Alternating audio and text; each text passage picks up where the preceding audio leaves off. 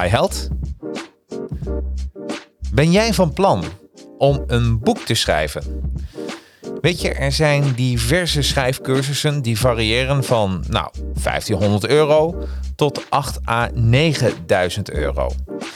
En zoveel is deze aflevering waard. Hè, Jacques? Is deze aflevering 9000 euro waard? Ja. Want mijn gast, Tessa de Jager, legt de inhoud van zo'n complete schrijfcursus uit in 10 minuten tijdens haar schrijftip nummer 2.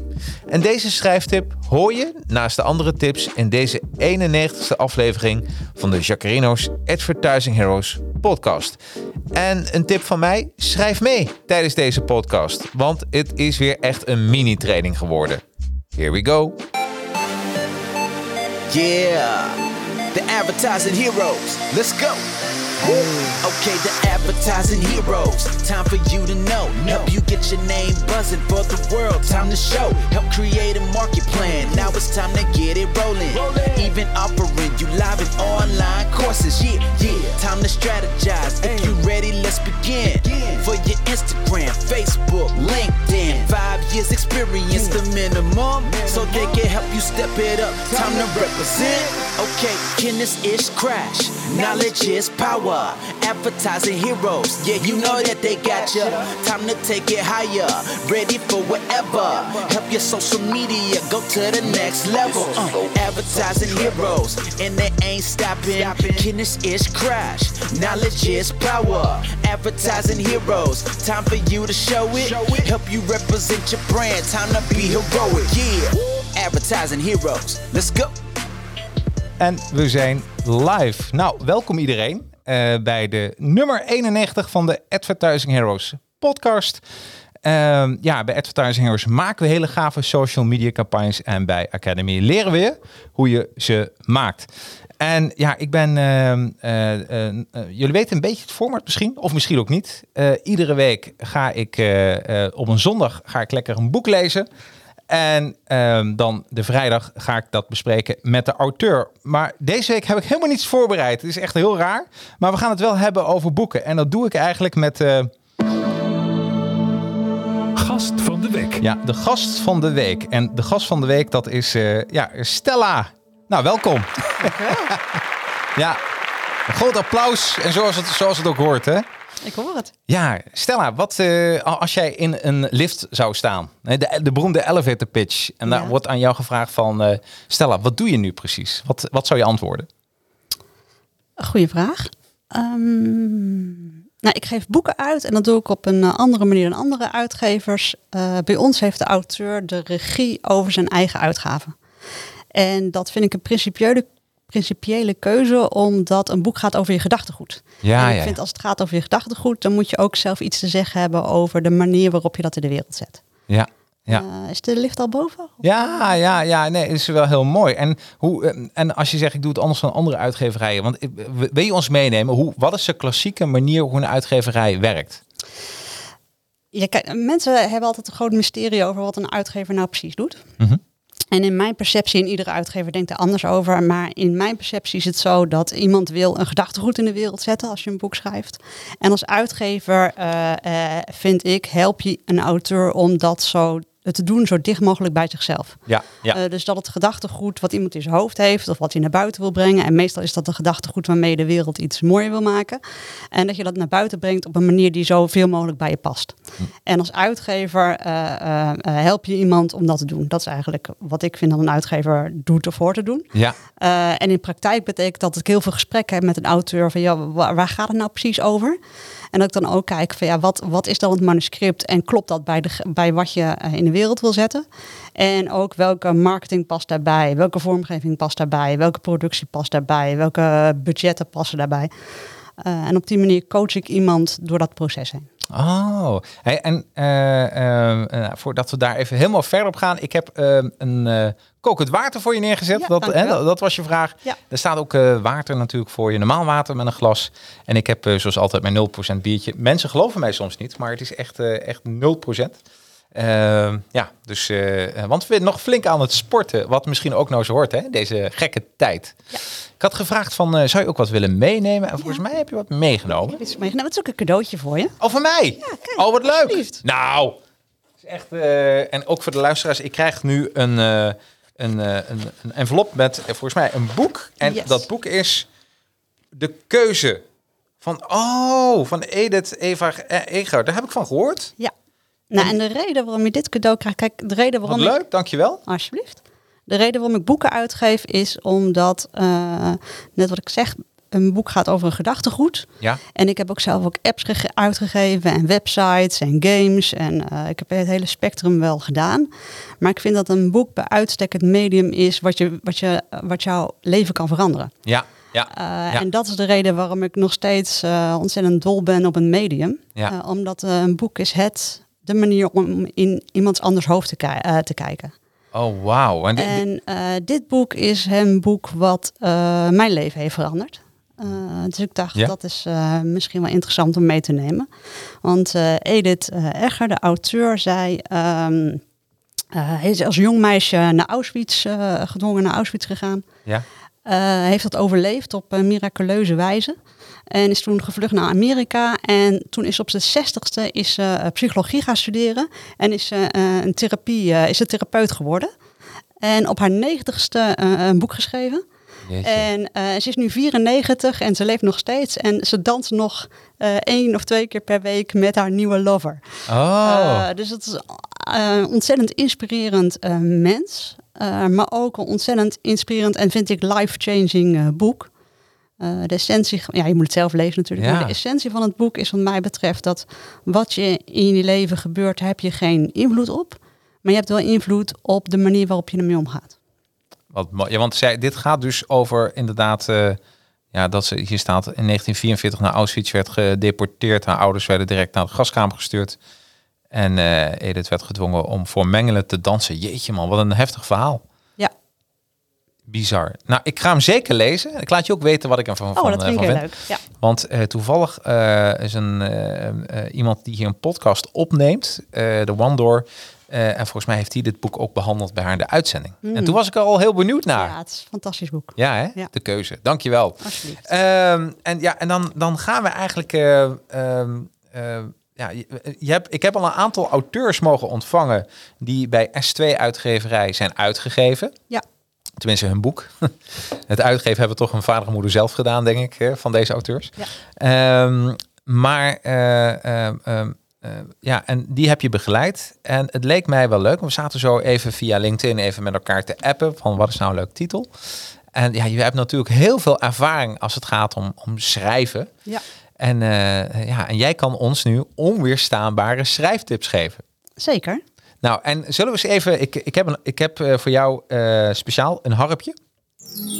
Dus nummer 1 van de onweerstaanbare schrijftips. Nummer 1 is ga niet schrijven, ga onder de douche staan. Oh, nou dat kan ik. Ja? Nou, dan kan je ook een boek schrijven. Dan kun je ook een boek schrijven. Waarom zeg je dat? Waarom, uh... Nou, omdat mensen vaak uh, de denkfout maken dat om te kunnen schrijven je heel goed moet kunnen schrijven.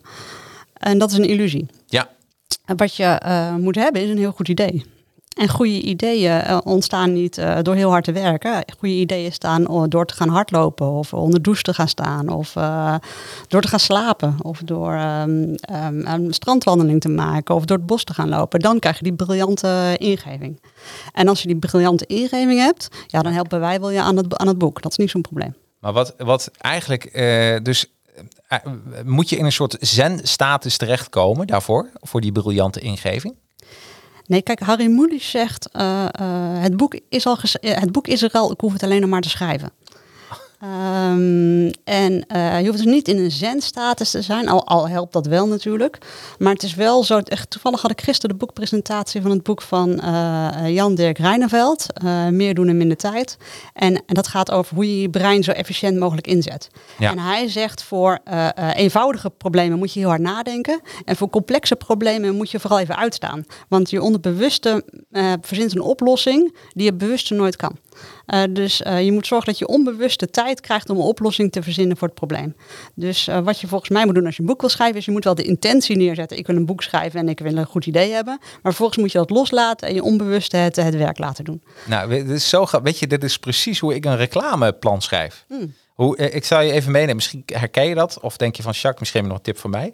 Uh, hoe ik mensen doe, ik, uh, ik krijg opdracht van een klant om een reclameplan te schrijven. Het bestaat uit drie stappen. Eerst is een enquête onder de, onder de doelgroep of potentiële doelgroep. En dan krijg ik heel veel informatie van binnen.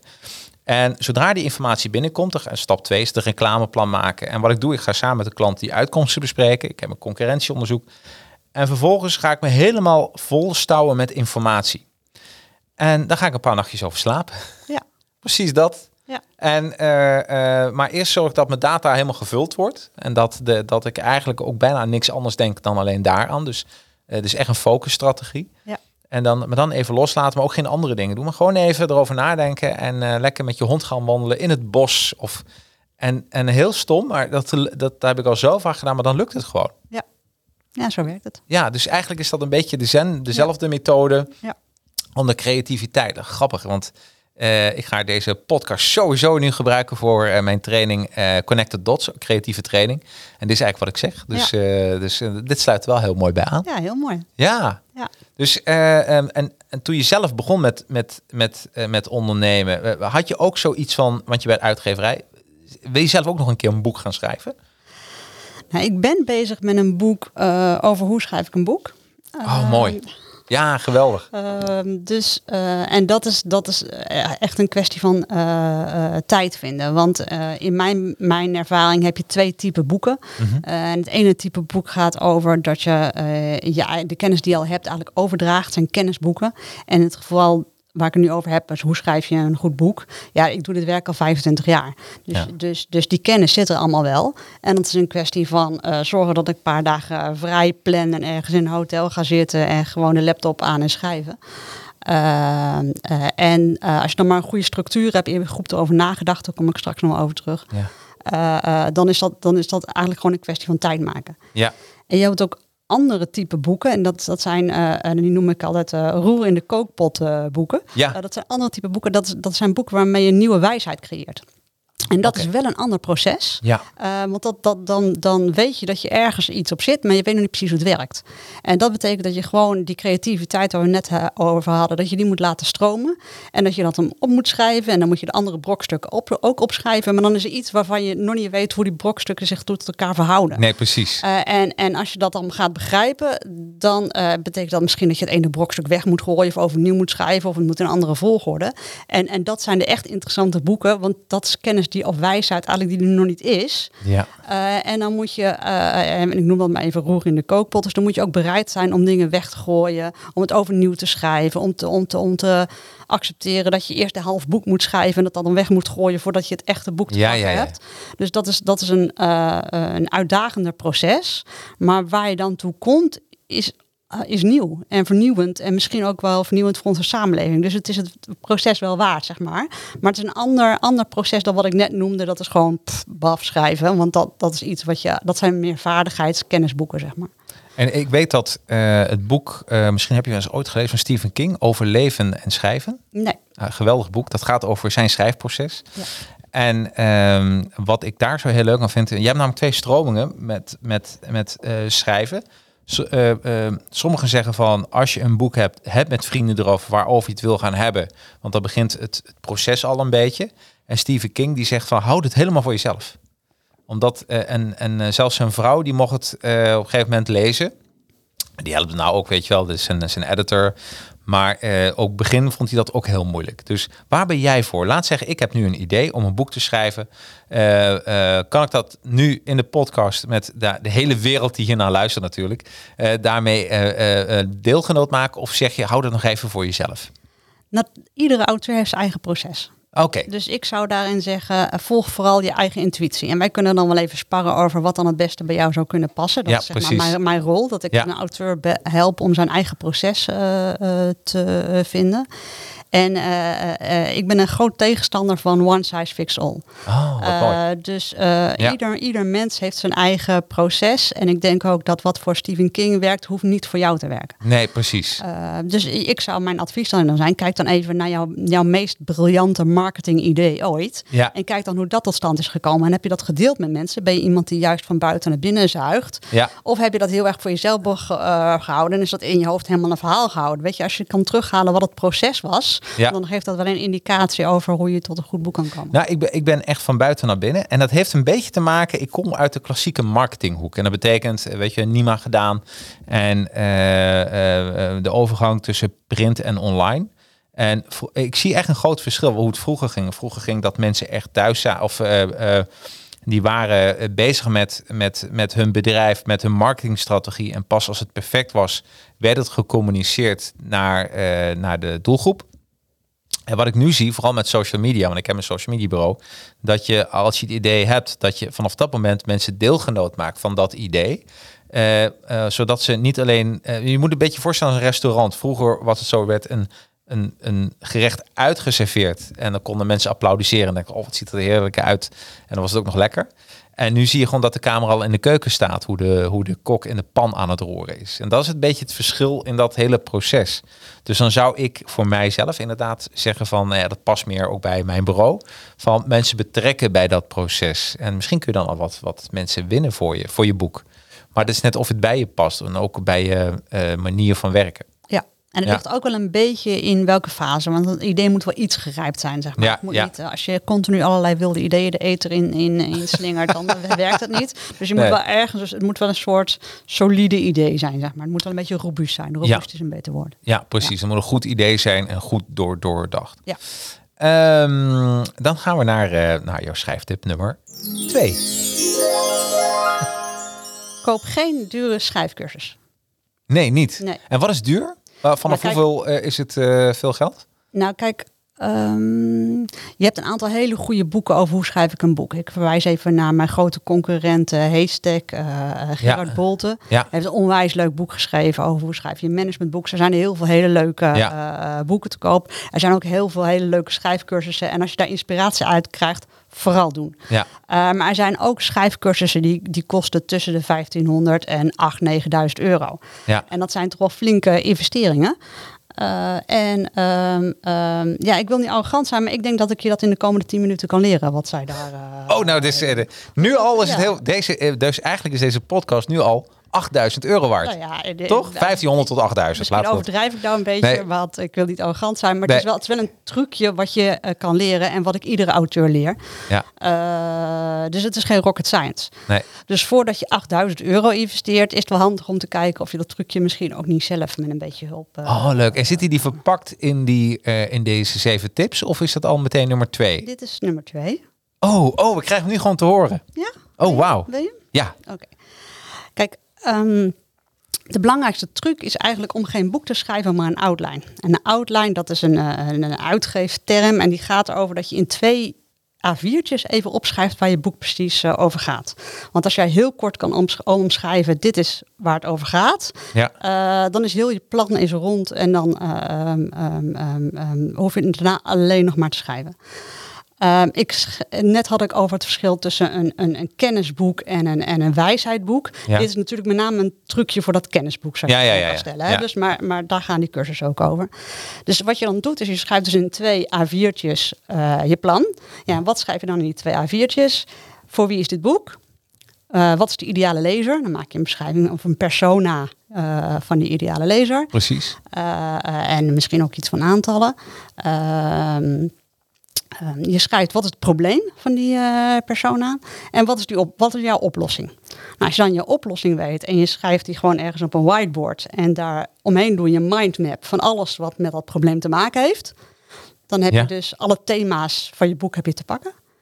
Vervolgens zet je die, ga je die nummeren. Ja? Ga ik te snel? Of, Nee, nee, nee. nee. Ik, ik zit helemaal in mijn hoofd al mee. Ik, ik ben hem al aan het kopen, de whiteboard. Dus, dus je, eh, een whiteboard, je schrijft Ja. daar in het midden je, je, het probleem van je favoriete laser op. Ja? Eh, eh, vervolgens maak je een mindmap van al de thema's die daarmee te maken hebben. Ja? Dus dan heb je een heel whiteboard vol met een mindmap met alle thema's. En vervolgens ga je die logisch nummeren.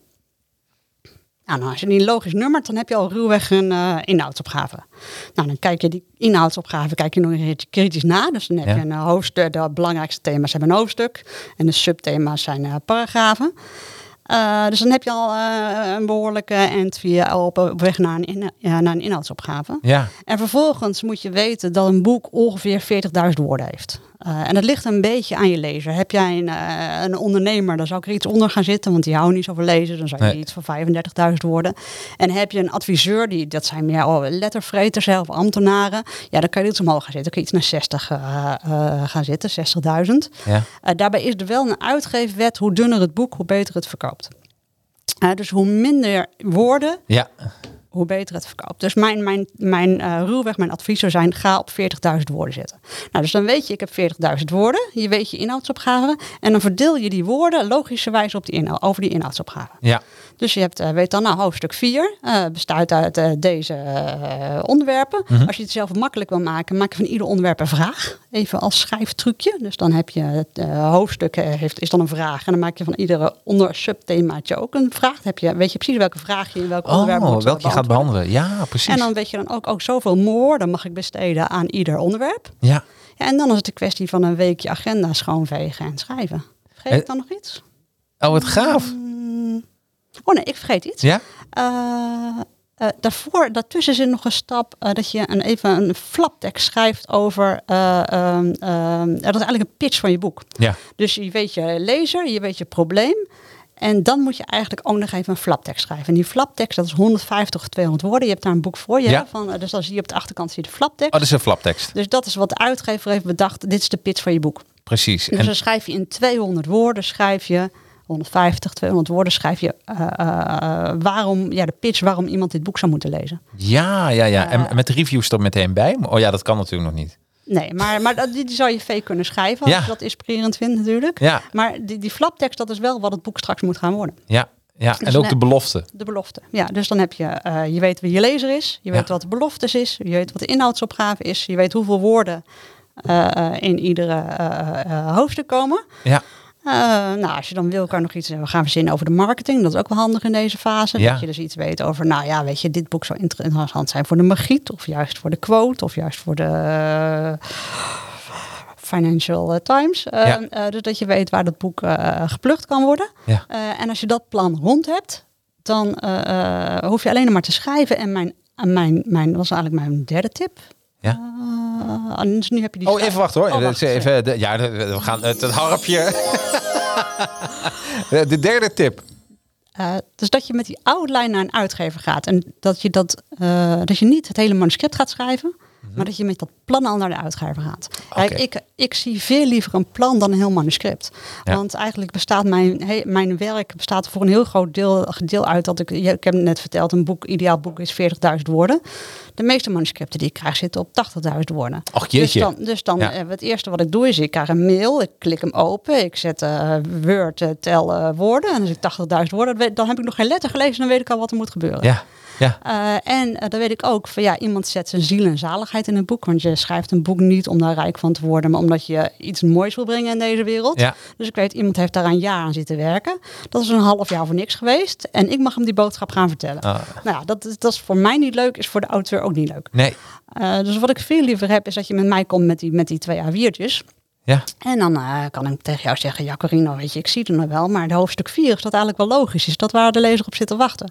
Of als, als dit is wat je wil, ja, jou, jouw doel is om, om jouw bedrijf eh, eh, zichtbaar te maken. Gaat dat met dit boek wel lukken? Of moet je eigenlijk een heel ander boek schrijven? Ja, wat of goed. eh, ehm, die, die marketing die, die, die rammelt aan alle kanten. Joh, zo krijgen we dit boek niet verkocht. Nee. Wauw, dus, en ik kan me dan ook voorstellen dat eh, ehm, eh, als mensen dan ehm, met het plan komen, dus die twee A4'tjes ehm, en met, eh, met daarbij de uitwerking op de whiteboard, want dat is eigenlijk het plan, hè? Ja, in die twee A4'tjes schrijf je dus de uitkomst van het whiteboard. Dus je Oh, oh, je ja. schrijft daarin eh, iets over... wat ik, maar dan schrijf ik wat ik graag wil ontvangen. Ik wil iets over, Oh, jou- oké, ik wil iets over jouw bezieling Ja, weten. jij, jij begeleidt ook de- het, het schrijven van een manuscript. Ja, nou Ja. niet per se, maar ik wil graag, ik wil het liefst zo snel mogelijk weten wat jij van plan bent. Ja, Eh, want dan kan ik je nog bijsturen. Ja. En als, als ik jou heel ergens. eh, kijk, een, een boek is een soort. Een manuscript is een soort kindje. Ja. En wat ik veel te vaak meemaak is dat iemand komt met een kind waarvan hij zelf denkt dat het heel mooi is. Dat, dat ik gewoon zeg: ja, het is Ja. gewoon een kind met drie armen. Dan moet een arm af. Ja, dat is voor niemand fijn, zeg maar. en jij mag kiezen welke. Ja, ja. ik moet dan ook nog kiezen. precies. Dit arm moet Dit arm ja, dat is heel pijnlijk. Dat is heel pijnlijk. Dus en ik probeer het altijd zo liefdevol te brengen, mogelijk te brengen. Maar het blijft altijd een eh, lastige boodschap. Maar- dus, dus ik heb liever een plan. En, en het plan heb ik, heb, eh, hoor ik graag iets over van, jou. Ja. Wie ben jij? Waarom wil je dit boek schrijven? Wat is je bezieling? Eh, eh, wa- waarom wil jij de wereld mooier maken en op welke manier? En, en wat is dan je boekidee? Eh, Ja. eh, en, wat is, en, en dan is het fijn als je er een beetje over na hebt gedacht. Dus een inhoudsopgave. En dat je zegt, nou, dit is mijn doelgroep. En, dit is, en, en daar gaan we heus wel over sparren. Maar dan heb ik een beetje het gevoel van, nou, deze kant gaat op. Eh, heb je ook wel eens meegemaakt dat iemand eh, gewoon een boek wilde schrijven omdat hij het leuk vond en nog niet echt over had nagedacht, maar dat het dan wel een succes is geworden? Herhaal je vraag nog eens. Eh, heb je wel eens iemand gehad die eh, een boek heeft geschreven of met een boek wilde komen en er niet echt over had nagedacht over, zijn, over al die doelgroepen of marketing, maar dat het echt vanuit hart is geschreven Oh ja. en dat het dan wel een, een succes is geworden? Ja, ik heb liever dat iemand vanuit zijn hart schrijft dan naar marketing. Ja, Want ja. marketing worden altijd saaie boeken. Ik zeg altijd, eh, kijk, je hebt, je, ik zie het als een soort eh, eh, lijn, zeg maar. Mhm. Aan de ene kant heb je mensen die zeggen, dit is mijn doelgroep, dat is hun probleem. En dit boek lost dit probleem op. ja, Dat zijn vaak hele saaie boeken. ja, daarom. Weet je, want dan krijg je gewoon één op één. Dat, dat boek zou iedereen kunnen schrijven. ja, Maar waar het interessanter wordt is als jij zegt van ja, dit is, dit is, dit is wie ik ben. Ik, dit is mijn unieke boodschap. En die wil ik op een unieke manier brengen. ja. En waar je die twee op elkaar kan laten botsen, daar wordt het interessant. Nou, laat zeggen, eh, ehm, ik heb een, een boekidee. En ik ga die eh, eh, manuscript bij jou inleveren. Ja. En eh, dan bel je me terug. En, en dan komt een vervolgverhaal. En wat, wat is een investering die je zelf als, als ondernemer moet doen? Kun je er iets over zeggen? Over een boek te laten schrijven? Ja, dan komen we bij. Oh, dit is eh, een van de tip, dan- dan ga ik eh, dat- Tip, eh, we gaan een beetje. Oh, nee, leuk. Nee, ik dacht, tip 4. Tiffy, nou dan wachten we daar even rustig op. Dan gaan we naar de, de volgende tip, hè? Alweer. Ja, maar die heb ik al genoemd. Heb ik er nou eentje overgeslagen? Oh, wacht, ik verzin wel een andere. Dat kan. Dat doen we gewoon ter plekke. Hoppakee. Eh, wa- welke tip hebben we nu? Ja, Tip ik, nummer? had, ik had tip 3 roer in de kookpot, maar dat heb Ja, ik al gezegd. dat heb je al Dus gezegd. Ik, ik verzin gewoon ter plekke een nieuwe. Gooi maar je harpje erin. Hoppakee, ik gooi mijn harpje erin. Hoppakee. Oké, mijn volgende tip is hoe verzin je een goede titel? Ah. Eh, het is goed om je te realiseren dat een titel van het boek is het allermoeilijkste wat er is. Eh, want eh, een goede titel zegt in 1, 2, 3 of 4 woorden waar het boek over gaat. En dat kan natuurlijk gewoon eigenlijk helemaal Ja, niet. Dus nee. een goede titel is onmogelijk. En het trucje is als volgt, en dat is dus ook mijn tip. Een titel moet sexy zijn. Moet aansprekend zijn, moet wel opvallen, moet, moet, moet, eh, moet eruit springen. En de ondertitel moet zeggen, eh, what's in it for me? Dus dat moet zeggen, wat eh, kan de lezer aan het eind van het boek, waarom zou hij dat boek moeten kopen? Dus een titel moet opvallen, bedeng. En dan een ondertitel, die moet zeggen waarom iemand het boek moet kopen. Dan heb je die, die, die flaptekst waar ik het net had- over had. Hè, en dat is die, die 150 woorden. Dat is de pitch waarom je het boek zou moeten kopen. En vervolgens is de inhoudsopgave, dat is het bewijs dat je gaat leveren wat je pitcht. Ja, ja, ja. Dus Ja. dat zie je ook mensen intuïtief doen. Hè. Mensen, eh, de, de titel is de reden om het boek op te pakken. De ondertitel denk je, oh, dat is wel iets voor mij. En dan draai je hem om en dan denk je, oh, pitch interessant. En dan zie je mensen in het boek al, al, al even in, de- in de inhoudsopgave kijken. Oh, is dat, is die, gaat het boek echt wel leveren wat ik nu ga, eh, eh, wat ik nu ga, wat, wat het boek belooft? Want een boek, ja, dat kost twee tientjes. En de meeste mensen kunnen wel twee tientjes missen. Maar wat goed is om je te realiseren, is ze gaan er ook eh, 14 dagen lang, drie weken lang, iedere avond aan besteden. Ja, Dus mensen maken onbewust niet zozeer de keuze voor die twee tientjes, maar meer voor die, ze besteden hun belangrijkste bezit, namelijk tijd, aan jouw boek. ja precies. Dus waarom zouden ze dat moeten doen? En heb je dan ook bijvoorbeeld het, het ehm, ehm, dat je een beetje weet van, laat zeggen, iemand komt, ik, heb een fantastisch, is niet zo hoor, maar ik heb een fantastisch idee over, het, eh, over tegeltjes. Want echt, ik ben dol op tegeltjes. En ik denk dat de hele wereld zit te wachten op tegeltjes. Heb je dan ook een, een, een, eh, een soort wake-up call eh, hoe groot zijn doelgroep is?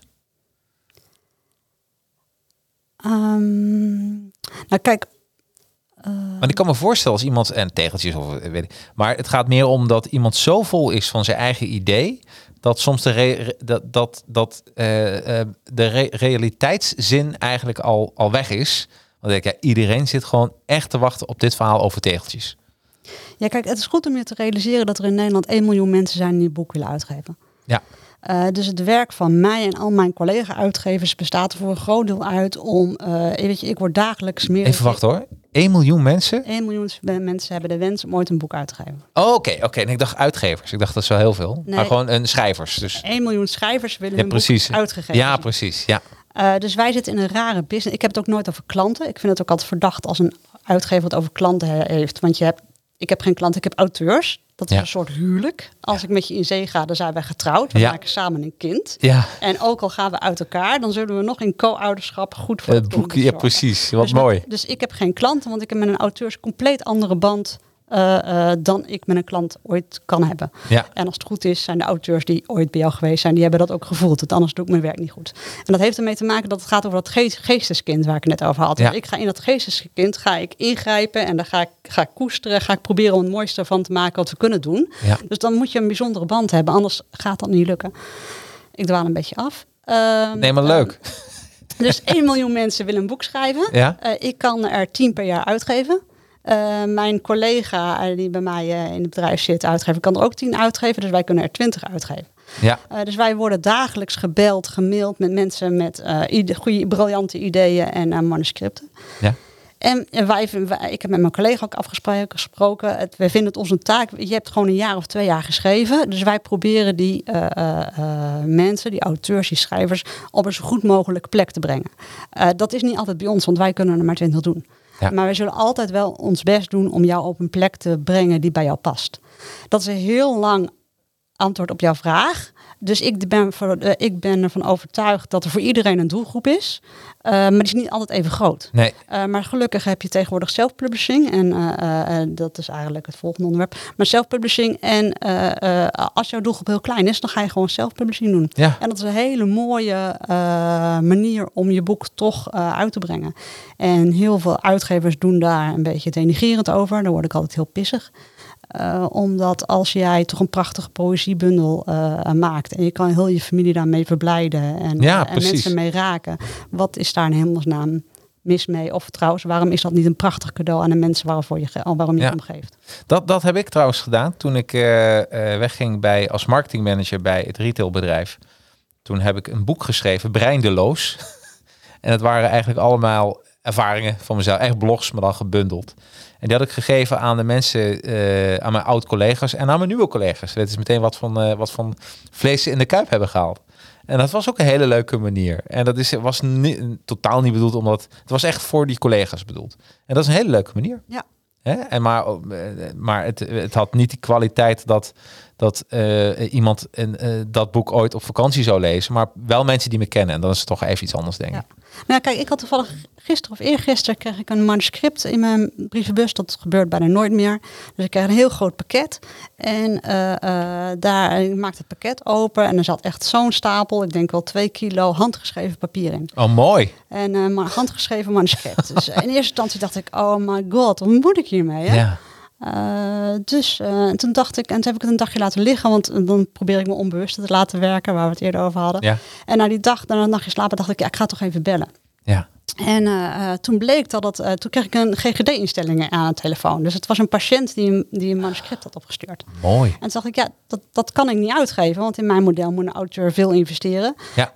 en bij ons is het groot en meeslepend, dus dat gaat niet. Maar dat wil niet zeggen dat het geen waarde heeft. Nee. En dus ik, toen ben ik een brief gaan schrijven aan die mevrouw. En toen heb ik ook nog gebeld. En zei ik, ja, het gaat, mijn boek gaat niet over de hoogst mogelijke oplagen. Het gaat erom om zoveel mogelijk iemands hart te raken.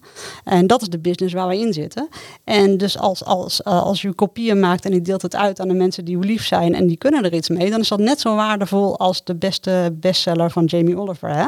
Ja. Um, um, dus ik vind ook jammer dat wij zo uh, uh, altijd in onze branche altijd maar denken in termen van oplages en zoveel en zo groot mogelijk. Want dat zegt niks over de kwaliteit. Nee, nee, nee. nee. En ik, volgens mij zijn ook al uh, voorbeelden bekend van boeken die na de hand pas echt ontdekt zijn en Ja. die groot zijn geworden. Ja, een goed voorbeeld is, uh, komt een vrouw bij de dokter uh, van Kluun. Ja, Eh, dat was eerst volledig mislukt. Ja.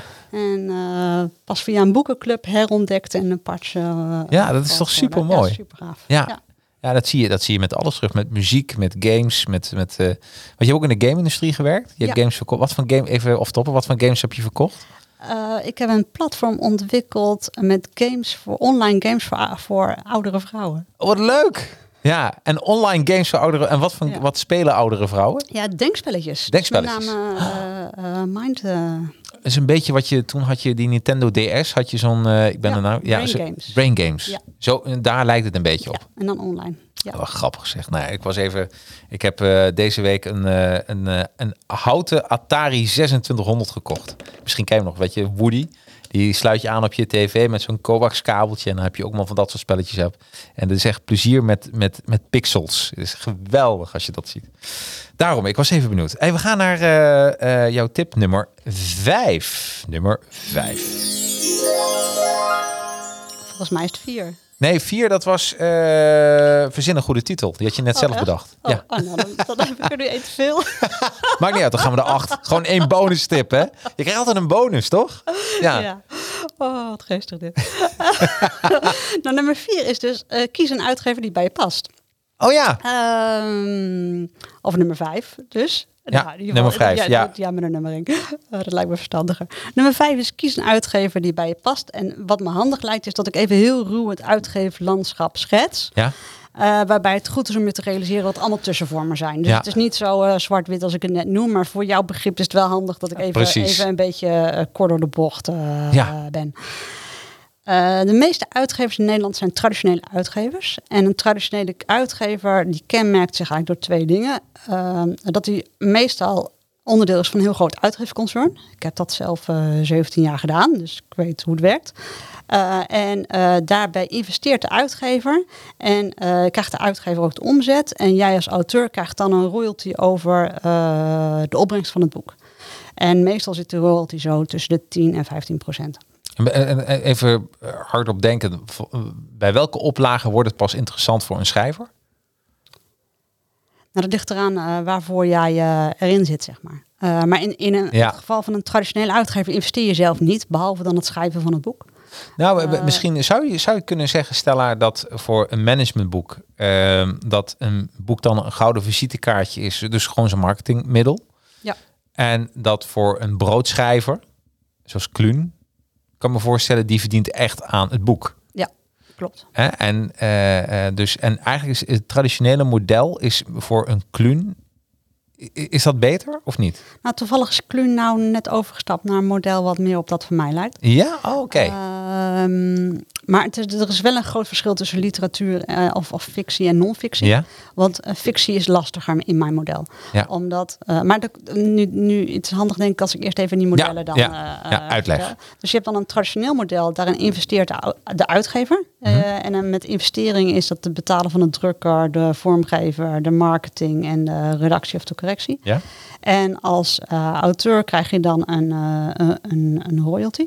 En dat heeft als groot voordeel, heeft een aantal grote voordelen. Namelijk, je komt in een warm bad terecht. Alles wordt voor je gedaan. Alles wordt je uit handen genomen. Je hoeft alleen nog maar, alleen maar over het manuscript na te denken dat dat goed is. En de rest word je volledig ontzorgd.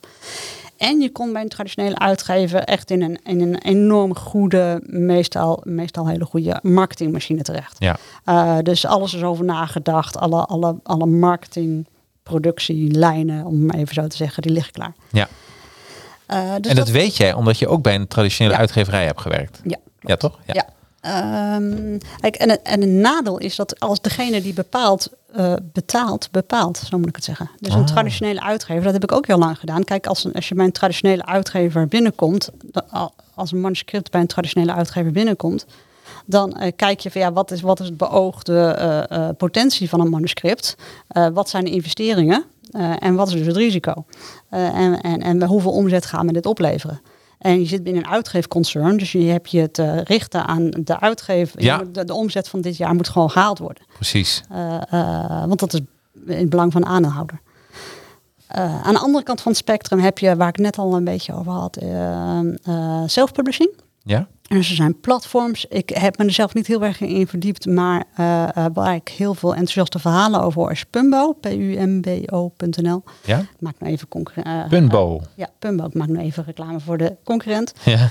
Maar wij verwijzen daar dus ook heel veel naar. Dat is een partij, dan, dat, dat, is eigenlijk een, ja, heel on, ondergebiedig is dat een drukker plus. Je hebt een manuscript, je uploadt dat, er kan allerlei diensten bij komen, kopen. En zodra een klant een boek koopt, dan wordt het gedrukt en diezelfde dag nog uitgeleverd. Zo.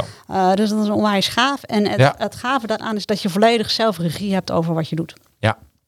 Um, en daartussenin zit eigenlijk mijn model. Wij noemen dat uh, dienstverlenend of facilitair uitgeven.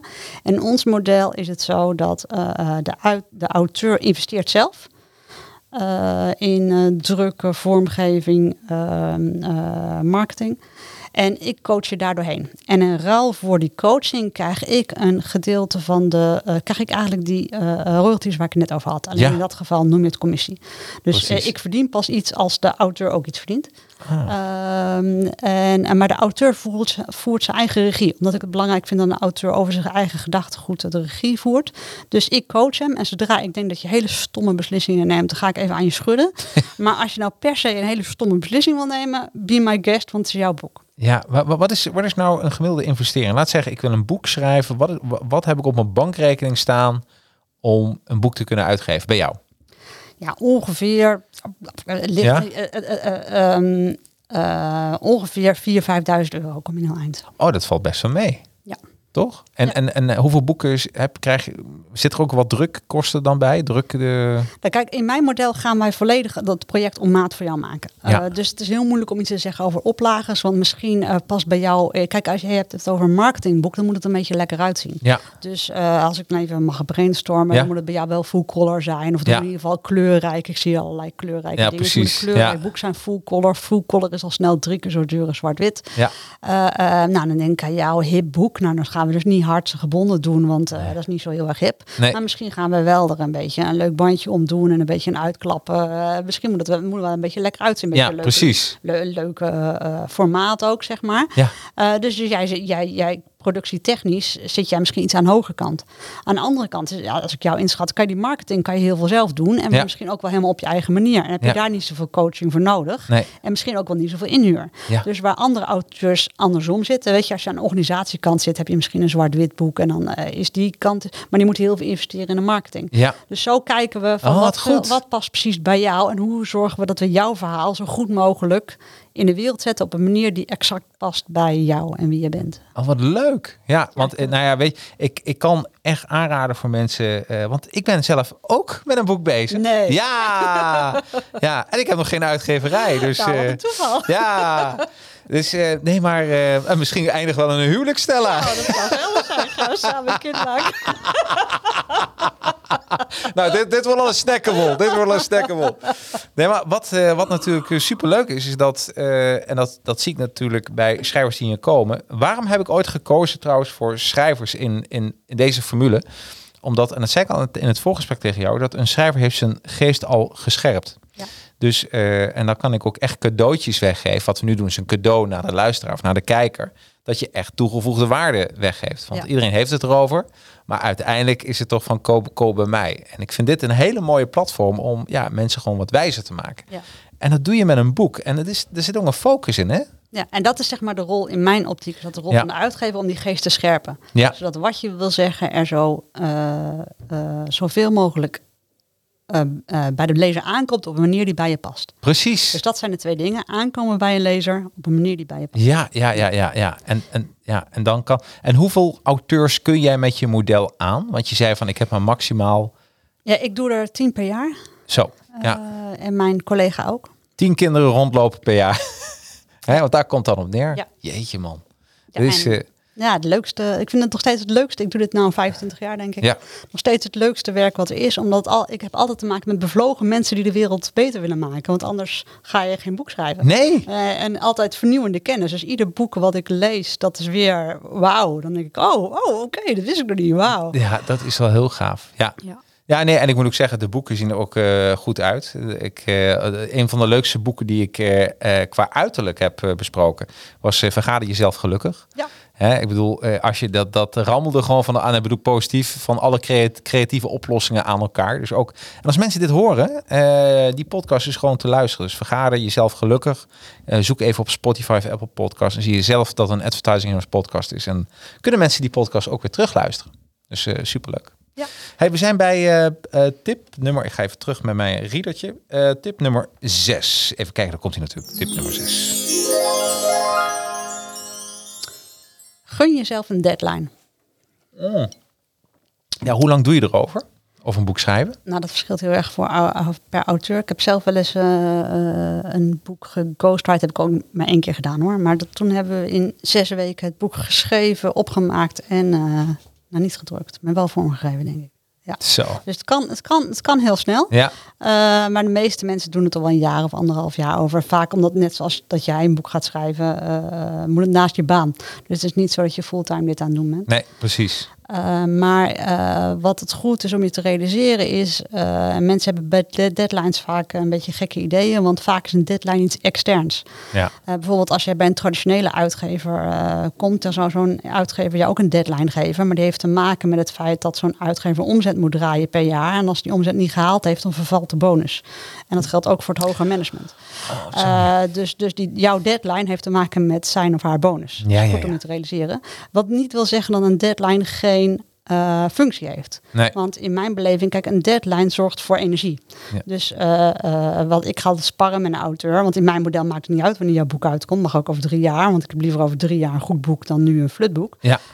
Um, maar waar ik wel met je over ga sparren is, kijk, als we het over drie jaar gaan doen, dan ga jij waarschijnlijk nog niet aan de slag. Uh, want dan denk je, oh, dat, dat, dat komt wel. Uh, Ja. uh, en dus ga je je droom niet realiseren. Nee. Want als, als je echt wil schrijven, is je, je, je, een boek, eh, als je een boek wil schrijven, is een boek je droom. Ja. Dus, dus om die droom uh, realiteit te maken, heb je wel een deadline nodig. Ja. Kijk, als ik ga zeggen, het moet over twee maanden af, waarschijnlijk ga ik je dan in paniek, wordt niet het beste boek wat jij ooit kan schrijven. Dus ik ga dan met jou voelen van, ja, waar, waar zit nou precies de spanning? Het is een soort elastiekje. Ja. Als we het elastiekje te strak zetten, dan, dan, dan knapt die. En als we hem te, te slap hangen, dan denk je, ja, het zal wel, ik ga even iets anders doen. Ja, precies. Dus we gaan op zoek naar die spanning. Uh, en dat is de functie van een deadline. Dus daarom zeg ik ook, gun jezelf een deadline. Want maar geef gewoon een deadline aan jouw droom. Ja. Uh, en als die deadline goed is, dan, dan trekt het elastiekje trekt jou zo uh, daar naar de realiteit. En ik denk ook als je een, een boek is wat je echt wil schrijven. Dat zeg ik altijd met alle creatieve zaken die we hier doen. Is dan eh, wacht ook niet mee, maar doe het zo snel mogelijk. Ja. Want het momentum kan ook in je hoofd een beetje voorbij zijn als je te lang wacht. Hè? Ja. ja, en dat is ook mijn functie. hè. Want als, met mijn, als een Ja. auteur met mijn deadline afspreekt, dan wordt het opeens een dingetje. Terwijl het is natuurlijk... het- je, Nee, dat het klopt. is- Het is natuurlijk een soort fictief iets. Maar als je tegen mij moet gaan zeggen, ik heb de deadline niet gehaald, dat is toch iets anders dan dat je gewoon in je agenda iets kan doorschrijven. Dus daarom spreek ik vaak wel met auteurs deadline Ja, af. heel slim. Want dan moeten ze toch mij gaan mailen van, ja Stella, ik heb het niet gered. en dat vinden ze toch niet fijn, zeg maar. Dus dan gaan ze Het is een beetje zo'n sportschool hè, die je Ja. moet afzeggen omdat je niet op de precies. training kan komen. probeer ik ook heel streng te kijken. Ja, Dat lukt niet altijd. dit, dit doet me denken, ik heb, eh, eh, en dat echt jaren terug, toen ik een jaar of 20, 25 was, heb ik een, eh, een, een, een, een, een fictief boek wilde ik schrijven met een kameraad van mij. Maar er was geen deadline. En ik zou je vertellen wat er dan gebeurt. Want we waren best ver. We hadden al honderden pagina's geschreven. Maar steeds moesten we weer van vooraf aan teruglezen.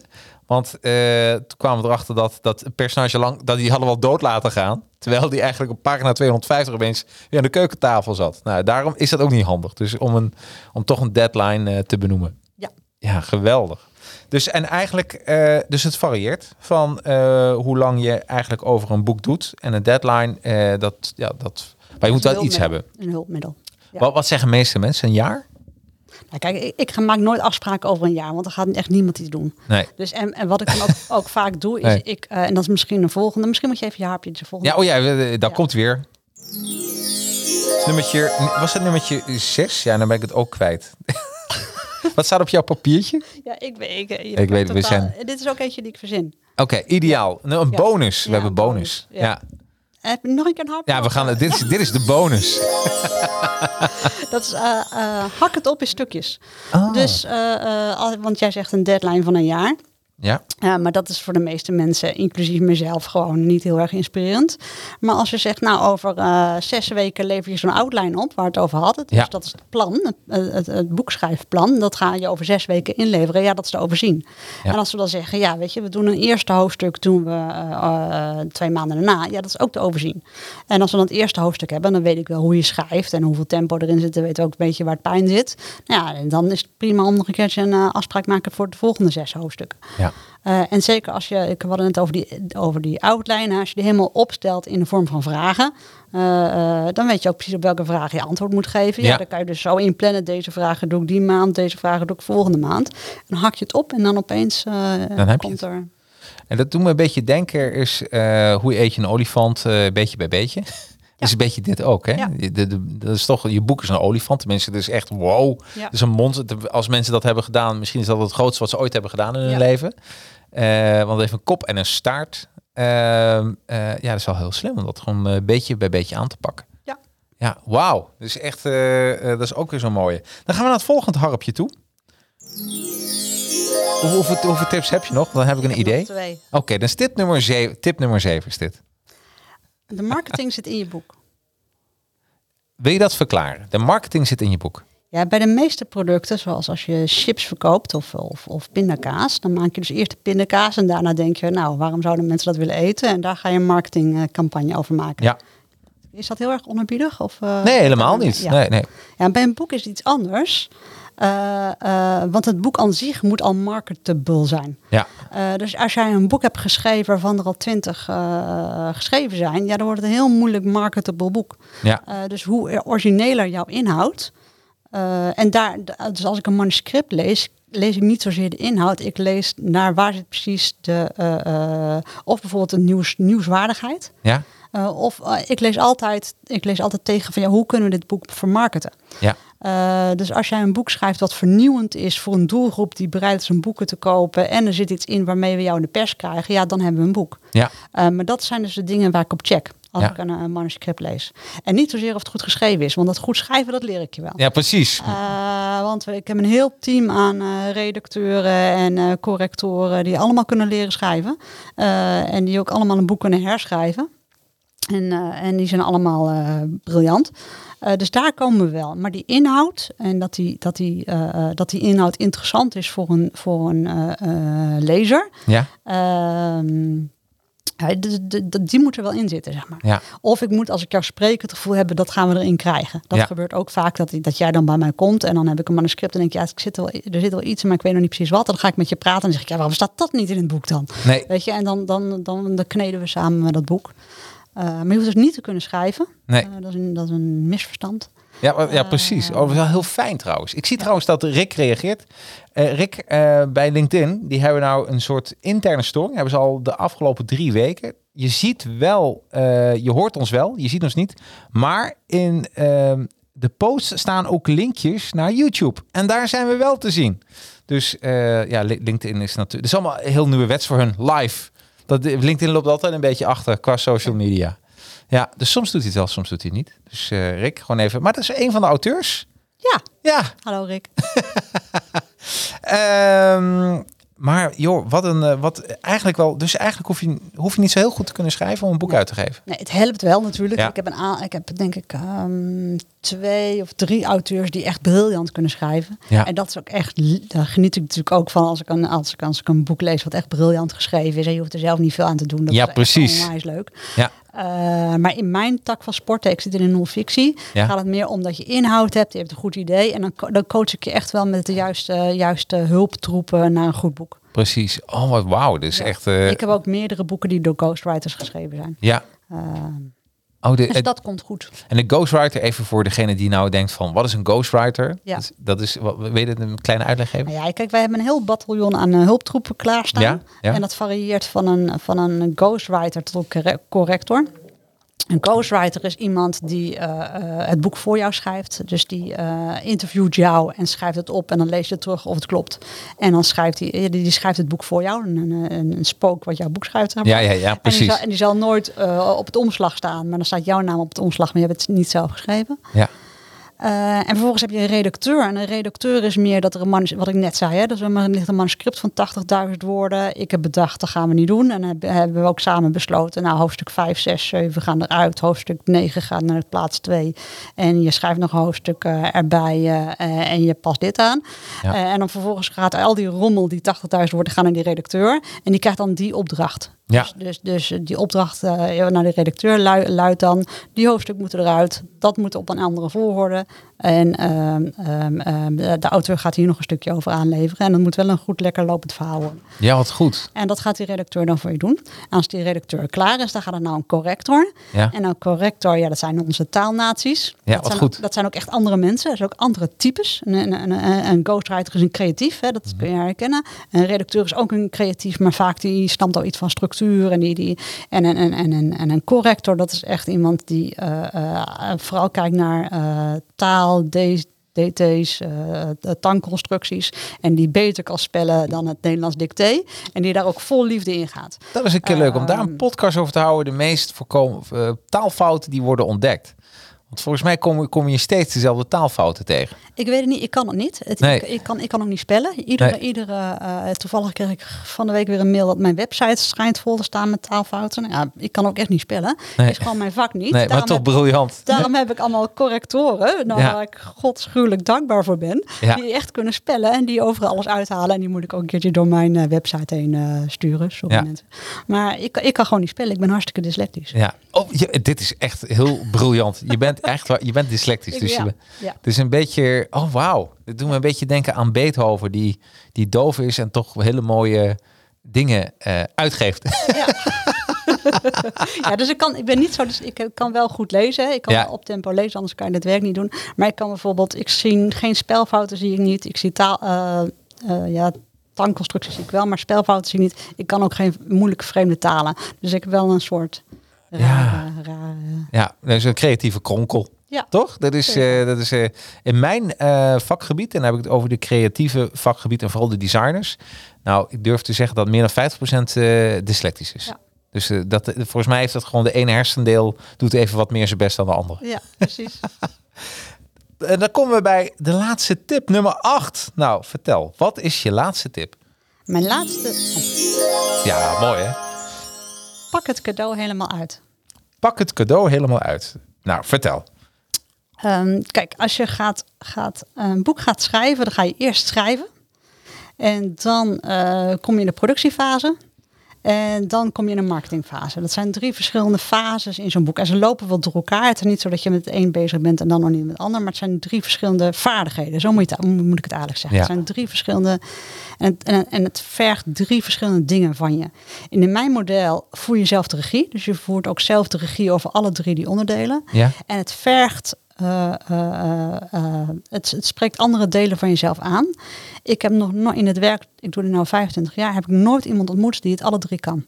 Nee. Dus of iemand kan schrijven en eh, wordt dan helemaal gek van de productie. hè, Want die productie, dan moet je je voorstellen, dan krijg je een proef te zien. En daar moet je dan doorheen. En dan denk je dat het goed is, moet je er nog een keer doorheen. En dan heeft een corrector naar gekeken, moet je er nog een keer doorheen. Dus dan moet je drie, twee, drie, vier keer door zo'n proef heen. Ja, heel En, saai. eh, ja, en, en, Ja. en conscientieus. Je moet Ja. heel op de detail en conscientieus. Mensen die heel makkelijk een manuscript schrijven. Kijk, ik kan echt wel schrijven. Ja. Maar het productieproces vind ik verschrikkelijk. Want dat Ja. is en op detail en conscientieus zijn en precies en, en, en volhoudend. Nou, dat zijn allemaal niet mijn sterkste kanten. Nee.